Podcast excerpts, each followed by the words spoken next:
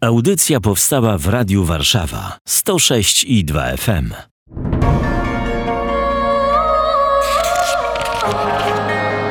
Księga. Księga. Księga. Niedzielne czytania biblijne rozważają ksiądz Łukasz Turek i Paweł Kęska. Niech będzie pochwalony Jezus Chrystus. A wieki wieków amen. Są takie pytania, na które wydawałoby się, że ksiądz zapytany odpowie z urzędu. Może to złe sformułowanie, ale odpowiedź jest wyobrażalna. Proszę księdza, kto rządzi w księdza życiu? O, gdyby to miała być odpowiedź z urzędu, to by powiedział, że Pan Bóg. No właśnie. Ale ona nie może być z urzędu, bo nie może być z urzędu, ona ma być moją odpowiedzią. I jeżeli mam szczerze na to pytanie odpowiedzieć, to nie jestem do końca pewien, czy Pan Bóg. Raczej to jest troszeczkę tak, że y, próbuję rządzić z Nim, współrządzić z Nim, próbuję zawłaszczyć coś dla siebie niejednokrotnie i, i moje ja bardzo często wychodzi na pierwszy plan.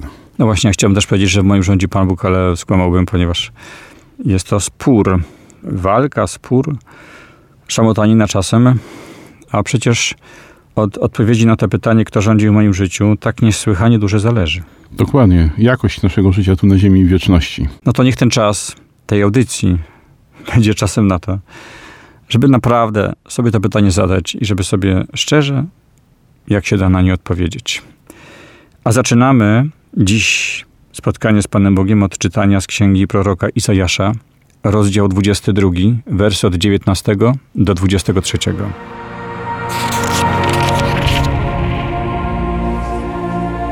To mówi Pan do Szebny, zarządcy pałacu.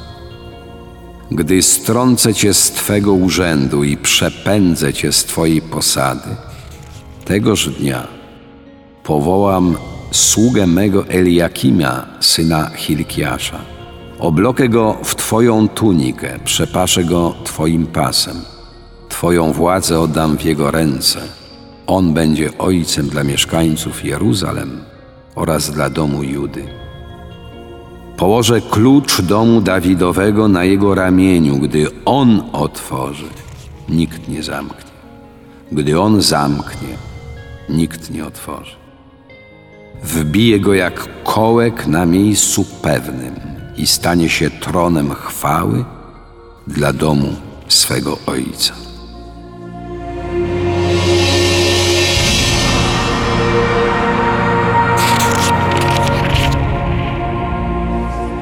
Zanim zagłębimy się w te słowa, które są bardzo ciekawe, to może mm, trzy słowa w kontekście. Co to za historia? Tajemnicze imiona. Jakiś moment z historii Izraela. Jak to czasy proroka Izajasza, bardzo trudny moment, y, czyli generalnie odstępstwa i od wiary.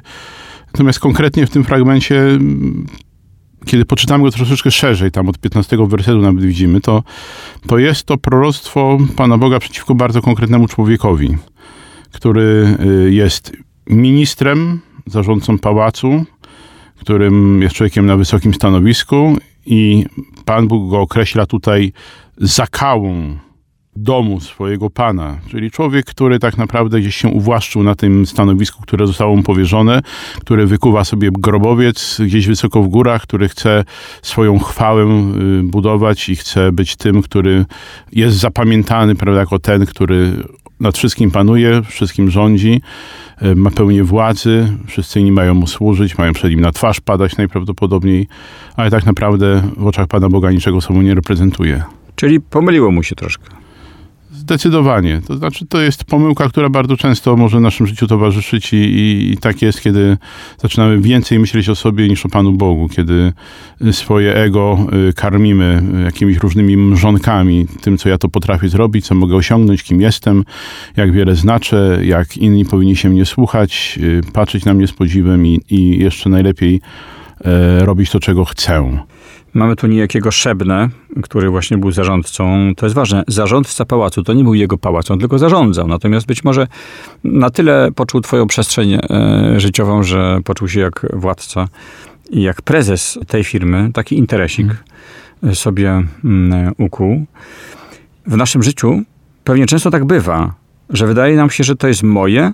Pytanie, czy to naprawdę jest moje? Czy to naprawdę jest moje? To chyba dotyczy bardzo wielu rzeczy. W ogóle mojego życia dotyczy. Dotyczy całego mojego życia. Tak. Wszystko, cokolwiek bym nie robił, to, to jest to pytanie, które pada w innym, w innym, w innym miejscu Pisma Świętego. Co masz, czegoś nie, czego byś nie otrzymał? A jeśliś otrzymał, to czemu się chełpisz tak, jakbyś nie otrzymał?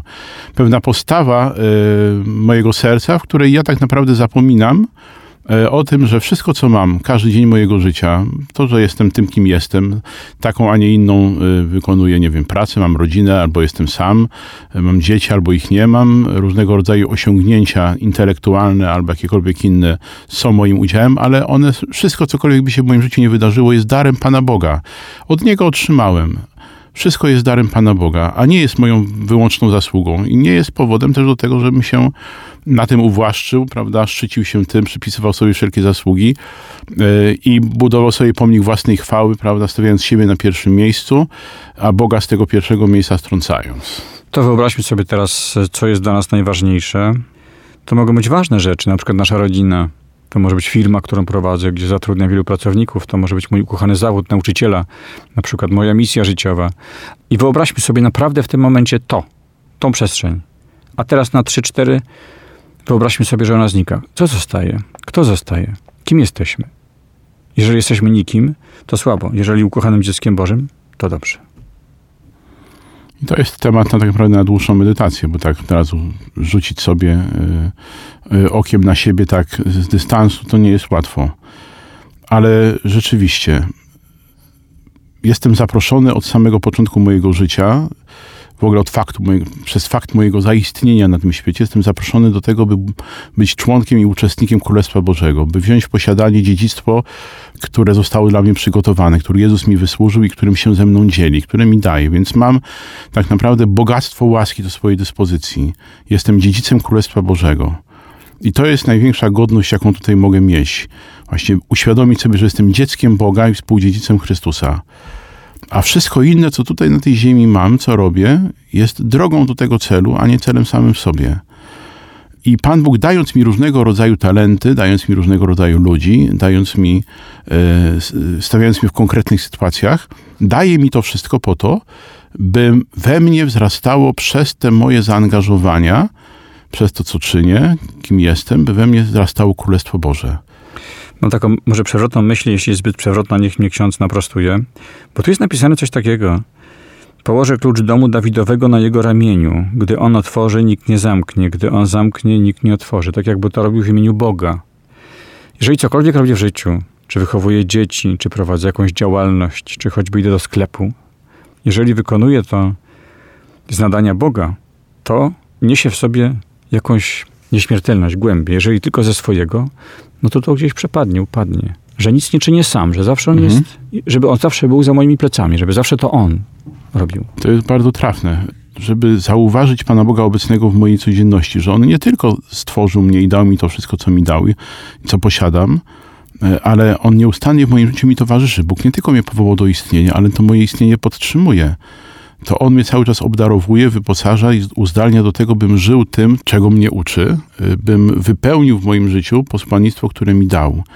I teraz ja często mówię, że i sam staram się to robić, może nie tak gorliwie, jak powinienem, żeby zapraszać Pana Boga do każdej czynności w moim życiu. Już od samego rana, kiedy się modlę, kiedy wstaję, mówię, Panie Boże, oddaję Tobie ten dzień i mówię, chodź ze mną tam wszędzie, gdzie ja będę szedł. Poprowadź mnie tak, żebym wszystko to, co czynił, będę, żebym czynił pamiętając o Tobie, żebym czynił z Tobą, żebyś Ty był w tym wszystkim obecny. Czyli żeby też, no, to w jakiś sposób przybliżało mnie do Ciebie. Pozwalało mi coraz lepiej Ciebie poznawać i pozwalało mi coraz więcej, coraz bardziej żyć miłością, bo z tym ciągle mam problem. Tu jest tak napisane, że oblokę go w twoją tunikę, przepaszę go twoim pasem, czyli ktoś inny wchodzi na moje miejsce. Jeżeli będę z Bogiem, tak sobie to wyobrażam, nawet w sytuacji trudnej, zmiany, w sytuacji utraty kogoś bliskiego, tracę współmałżonka, ktoś odchodzi. To jest oczywiście bolesne po ludzku, ale wtedy nie odbierze mi to sensu życia, nie odbierze mi to wszystkiego, bo wszystkim może być Bóg. I wszystkim ma być Bóg. Tutaj w tym czytaniu ojcowie Kościoła, kiedy komentują ten fragment, mówią, że ten, Eliak, ten Eliakim jest niejako figurą Mesjasza, czyli figurą tym, który posiada prawdziwą władzę i pełnię władzy i ma tą władzę udzieloną jej, powierzoną jej przez Boga jak Mesjasz to wiadomo, że przez swojego ojca i on tej władzy sobie nie zawłaszcza, nie uzurpuje, tylko jest tym, którego Bóg wyposaża, posyła do konkretnego zadania, a on to zadanie mesjańskie wypełnia. Czyli on posiada prawdziwą władzę, bo ma władzę od Pana Boga. Ten Szebna to jest człowiek, który sobie władzę minimalną, którą tutaj na ziemi miał, w kategoriach ludzkich być może coś tam rzeczywiście znaczył, ale on sobie ją zawłaszczył, y, ukradł ją i w związku z powyższym był, stał się zakałą, czyli kimś, kto krzywdzi, kimś, kto niszczy, kimś, kto niczego nie buduje. I dlatego utracił to, co miał, co mu się wydawało, że ma.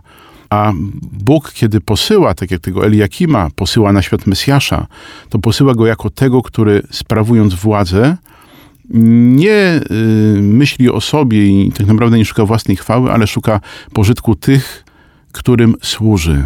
Ksiądz powiedział o Chrystusie. Chrystus ten temat bardzo rozwinie w Ewangelii, bo chyba wszystko zależy od tego, kim on dla nas jest. Ale to pytanie on sam zada apostołom już za chwilę, a na razie przeczytamy fragment z listu świętego Pawła Apostoła do Rzymian.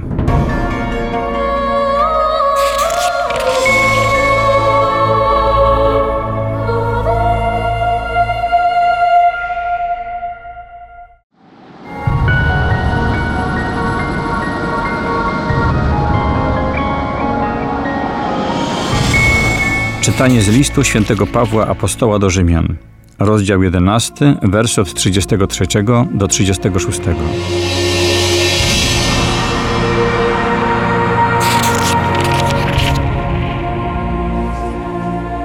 O głębokości bogactw, mądrości i wiedzy Boga.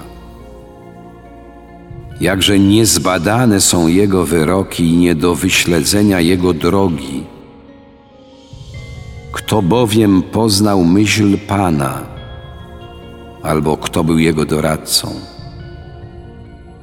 lub kto go pierwszy obdarował, aby nawzajem otrzymać odpłatę, albowiem z niego i przez niego i dla niego jest wszystko. Jemu chwała na wieki. Amen.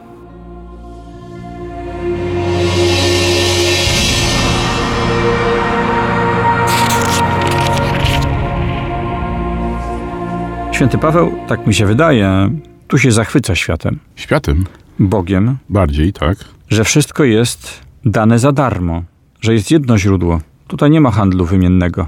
Ja mu coś, on mi coś. Ja mu troszkę, on mi troszkę. Ja pójdę do spowiedzi, to mi się coś uda. Ja e, będę się modlił troszkę więcej, to wtedy coś mi tam się skapnie. Nie ma handlu. Wszystko jest Jego. I wszystko jest dane nam i wszystko, bo Bóg niczego nie zatrzymuje dla siebie. Myślę, że Paweł zachwyca się tym, że y, ten niezgłębiony, niesamowity Bóg jest tak hojny w dawaniu, że całą tą swoją moc, całą swoją miłość, całą swoją łaskę dał do naszej dyspozycji. Wszystko uczynił dla nas, przez Pana Jezusa, wszystko uczynił dla nas. Odkupił nas bez nas, ale dał nam całą to, całe to odkupienie w ręce. Dał nam bogactwo łaski, bogactwo mądrości, bogactwo wiedzy. Możemy, możemy Boga poznawać, możemy y, poznawać Go w tym świecie, możemy w tym świecie odkrywać swoje miejsce w Bożym planie i, i ten plan realizować. W pierwszym czytaniu ten nasz bohater Szebna, można powiedzieć prezes niedużej firmy, bądź dużej, wszystko jedno, jak mm. go zwał, tak zwał, zachwycony tym, że, że już się naposiadał różnych rzeczy. Mamy swoje firmy, mamy swoje sprawy, o tym była mowa. I nawet jakbyśmy z tego, co mamy naszej firmy, chcieli Boga obdarować i dać mu dziesięciny, wszystko to bardzo pobożne, to tu jest napisane. Kto go pierwszy obdarował, aby nawzajem otrzymać odpłatę. No nie ma tak. Nie ma żadnej równowagi między nami a Bogiem. To co możemy mu dać z tej naszej firmy rodzinnej? Oj, możemy mu dać wszystko. Możemy mu dać całą swoją firmę rodzinną.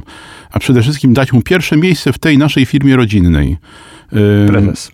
Tak, takiego prezesa, prawda, na, na, nadprezesa, człowieka, który, znaczy dać mu miejsce y, tego, który tak naprawdę ma władzę, żeby tą firmą dobrze zarządzać a samemu zająć miejsce u stóp Jezusa i być takim jego, powiedzmy sobie, zastępcą, zastępcą prezesa, być tym drugim, po prostu być drugim.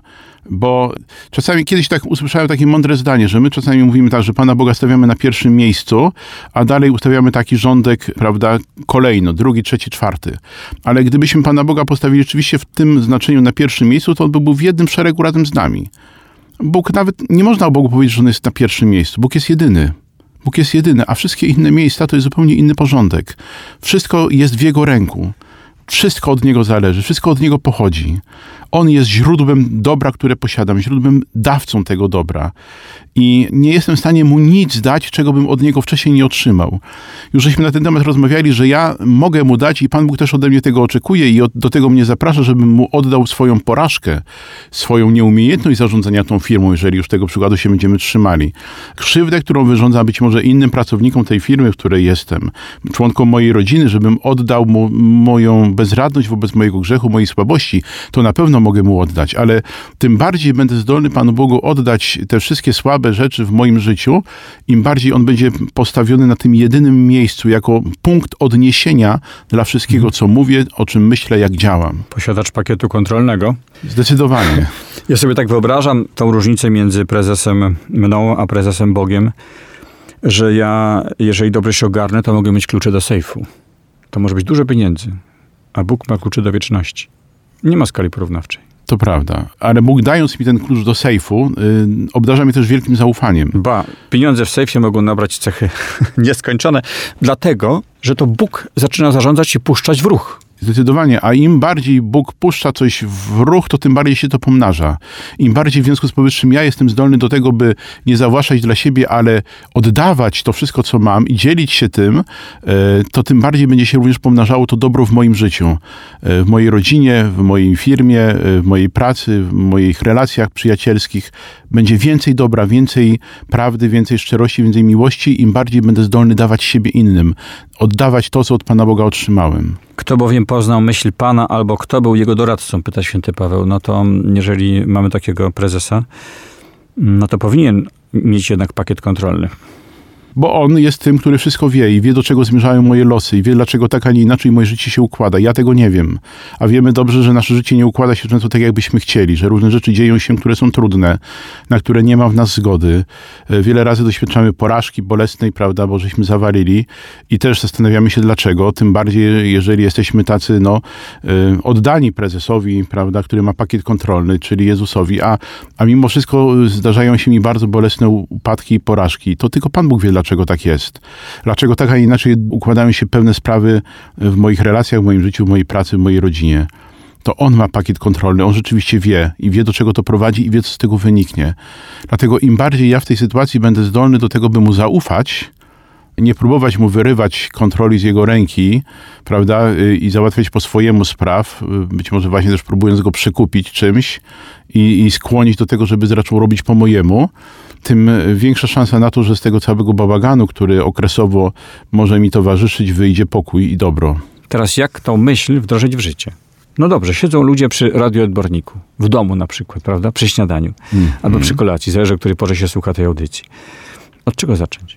Myślę, że cały ten fragment listu do Rzymian to jest jedno wielkie uwielbienie Pana Boga.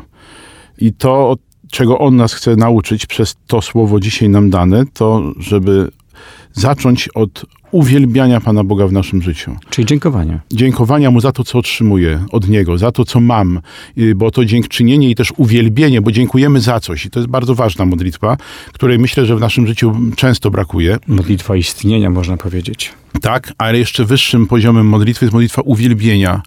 Boga, który, w której nie dziękuję Mu za coś, tylko uwielbiam Go w sposobie Jego istnienia i w całym tym przebogatym, tajemniczym i w całej tej przebogatej i tajemniczej obecności Jego w moim życiu. Im bardziej uwielbiam Pana Boga, tym bardziej odrywam swoje serce od siebie samego, od swoich myśli, od swoich pragnień i otwieram się na to wszystko, co od Niego pochodzi. Ta modlitwa uwielbienia czyni nas możliwie na ziemi tutaj bezinteresownymi wobec Niego. Uświadamiam i pomaga mi uświadamiać sobie, że wszystko, co mam od Boga pochodzi. Mało tego, mogę mieć o wiele, wiele więcej, ponieważ On chce mi dawać wszystko to, co ma, a ma wszystko. A za chwilę przeczytamy fragmenty z Ewangelii według świętego Mateusza.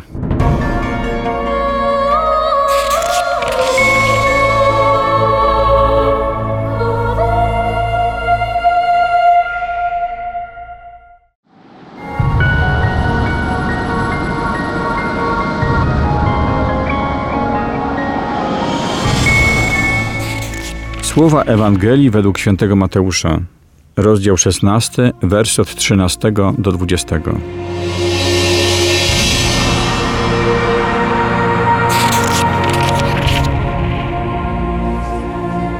Gdy Jezus przyszedł w okolice Cezarei Filipowej, pytał swych uczniów, za kogo ludzie uważają syna człowieczego?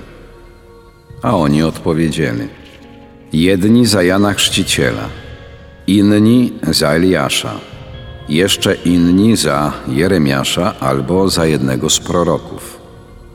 Jezus zapytał ich, a wy za kogo mnie uważacie? Odpowiedział Szymon Piotr, ty jesteś Mesjaszem, Synem Boga żywego. Na to Jezus mu rzekł, błogosławiony jesteś Szymonie, synu Jony, albowiem ciało i krew nie objawiły ci tego, lecz Ojciec mój, który jest w niebie. Otóż ja Tobie powiadam, Ty jesteś Piotr, opoka, i na tej opoce zbuduję mój Kościół, a bramy piekielne go nie przemogą. I Tobie dam klucze Królestwa Niebieskiego. Cokolwiek zwiążesz na ziemi, będzie związane w niebie, a co rozwiążesz na ziemi, będzie rozwiązane w niebie. Wtedy przykazał uczniom, aby nikomu nie mówili, że On jest Mesjaszem.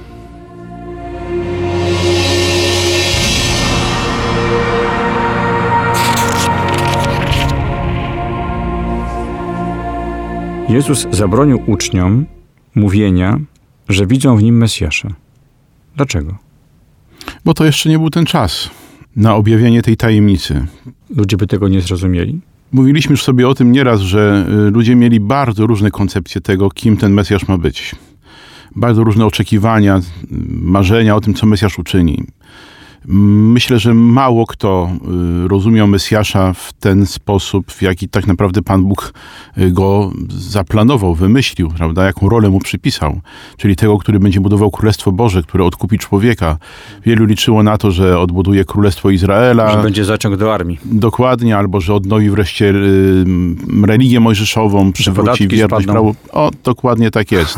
I teraz Że gdyby- handel się ruszy. o, okej. No i właśnie, gdyby teraz każdy zaczął przychodzić do Pana Jezusa i swoje własne plany mesjańskie przedstawiać mu, koncepcje mesjańskie i oczekiwać od Niego różnych rzeczy, to Pan Jezus chyba nie byłby w stanie nawet jednego zdania o Królestwie Bożym powiedzieć, a nie o swoim Ojcu. Y, Więc uciekał od tego rodzaju y, popularności taniej, y, zostawiając objawienie tego, kim jest naprawdę, uczniom już na czas po swoim zmartwychwstaniu. To jest niesłychane, dlatego że być może dopiero wtedy można rozumieć, jakkolwiek to brzmi, Mesjasza i z nim rozmawiać e, ze świadomością pewną dopiero po jego śmierci i zmartwychwstaniu, a dokąd ja mam plan na obniżenie podatków i na zaciąg do armii albo na firmę rodzinną, klapa. Tak jest, bo, bo nie jestem w stanie przyjąć, bo nie słucham, bo nie otwieram się, po prostu jestem zafiksowany na swoim punkcie widzenia, który bardzo jest oczywiście, tak jak to w naszym przypadku, bardzo ograniczony, bardzo i bardzo nieszczęśliwy. Po ludzku Żydzi, ludzie, odbiorcy, byli w stanie zobaczyć w Jezusie proroka. Jan Chrzciciel, Eliasz, Jeremiasz, posłannicy, to trochę poziom jednak ludzki. Na pewno mamy ten sam próg możliwości. Jak przejść na wyższy próg? Jak widzieć Jezusa, jak widzieć Chrystusa w Jezusie? Pan Jezus powiedział, nikt nie zna Ojca, tylko Syn i ten, komu Syn zechciał objawić. Nikt, nie zna Syna, tylko Ojciec. Ja mogę wejść na wyższy poziom tego poznania Jezusa, kiedy otworzę się naprawdę na Boga i pozwolę Mu działać w moim życiu, kiedy otworzę się na Ducha Świętego. Bo Duch Święty jest tym, który ma nam objawiać Jezusa i chce nam objawiać Jezusa. Objawiać Go dziś, tu i teraz obecnego w moim życiu, jako tego, kim On jest naprawdę. Mesjaszem, Synem Bożym, moim Zbawicielem, moim Odkupicielem, moim Zbawicielem. Ja potrzebuję interwencji Pana Boga. To jest łaska nadprzyrodzona, żeby rzeczywiście poznać Pana Boga i popatrzeć na Jezusa oczami Ojca, oczami mm, naszego Stwórcy. Powinienem umieć się zgodzić na śmierć? Bo jednak droga Jezusa to droga przez śmierć, żeby doświadczyć zmartwychwstania. Jest to prawda, natomiast ja bym poszedł tutaj jeszcze troszeczkę dalej, ponieważ ja sam dla siebie znowu umrzeć nie potrafię. Nikt z nas nie chce umrzeć, bo każdy z nas chce żyć i trzymamy się kurczowo życia. Ale pierwsza rzecz, którą możemy zrobić, to jest zgodzić się na to, żeby nas Pan Jezus poprowadził. To zapowiedział zresztą Piotrowi. Gdyby w kontynuacji tego dialogu, który dziś czytamy, y, czyli spotkanie po zmartwychwstaniu nad jeziorem Genezaret, po cudownym kolejnym połowie ryb, kiedy Pan Jezus pytając się Piotra trzy razy o miłość, potem mu mówi, przyjdzie taki czas, że przepaszą cię inni i poprowadzą dokąd nie zechcesz. Tak? I tutaj skomentował to Jan, że w ten sposób zapowiedział, w jaki sposób, jaką śmiercią uwielbi Pana Boga. Piotr wiedział, że nie jest w stanie umrzeć za Jezusa, chociaż on sam zadeklarował w, w czasie ostatniej wieczerzy, że życie moje oddam za ciebie.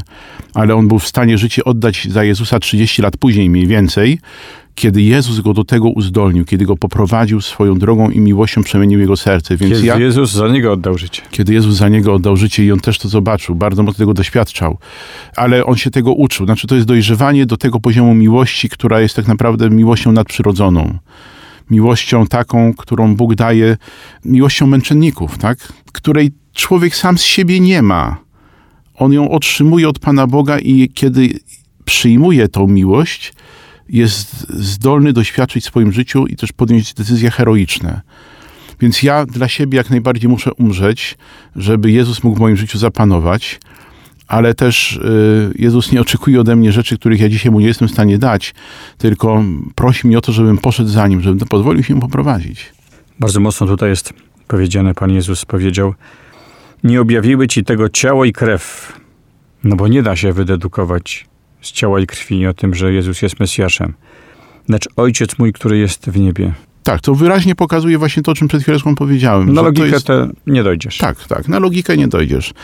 Zresztą też w innym miejscu jest powiedziane, że nikt nie jest w stanie powiedzieć bez pomocy Ducha Świętego, Panem jest Jezus. Tak, nikt nie jest w stanie tego powiedzieć, nikt nie jest w stanie tą rzeczywistością żyć. Dlatego Duch Święty taką bardzo ważną rolę ma w naszym życiu. On ma nas doprowadzić do świętości, czyli ma nas uczynić podobnymi do Pana Jezusa. To On nas otwiera na tą rzeczywistość nadprzyrodzoności i uzdalnia nas do tego, żebyśmy weszli w sposób myślenia i działania samego Jezusa. Żebyśmy y, czynili tutaj na ziemi to, czego On od nas chce.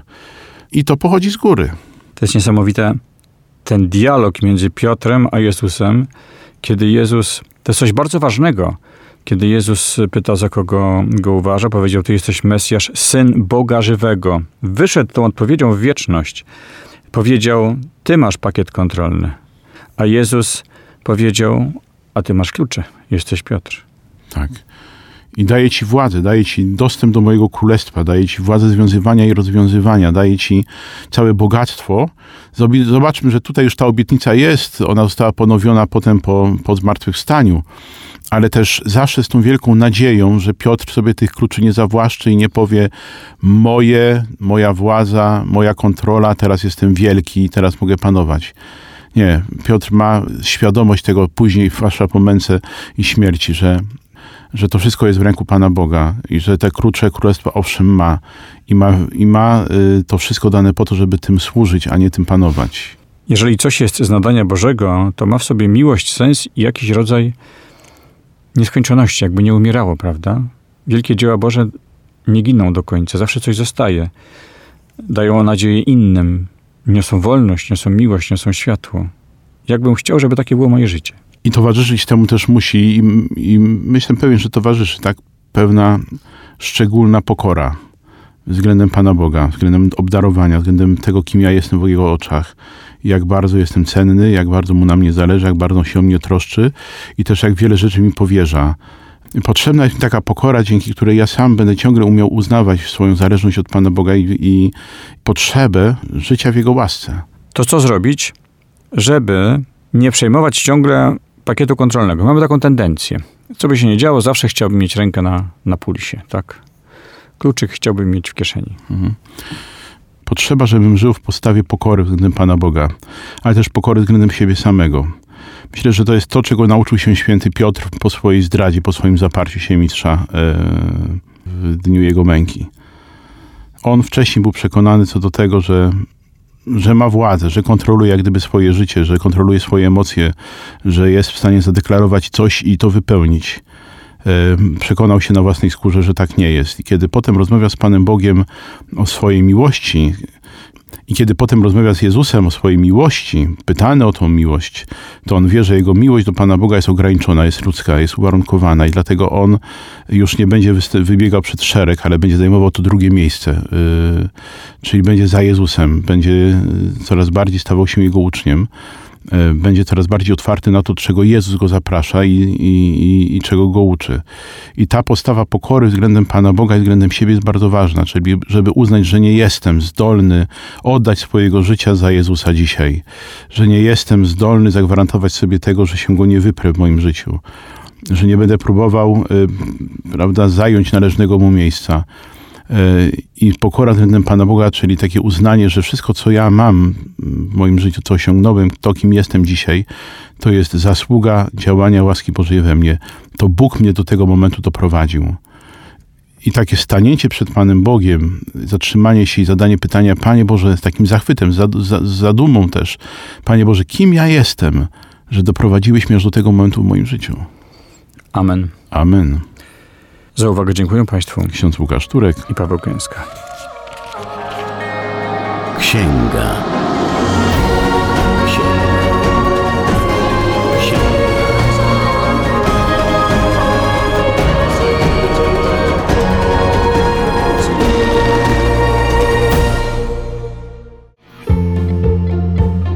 Radio Warszawa tworzy program dzięki wsparciu finansowemu słuchaczy. Jeśli podobała Ci się ta audycja, wejdź na www.wspierajradiowarszawa.pl i dołącz do grona darczyńców.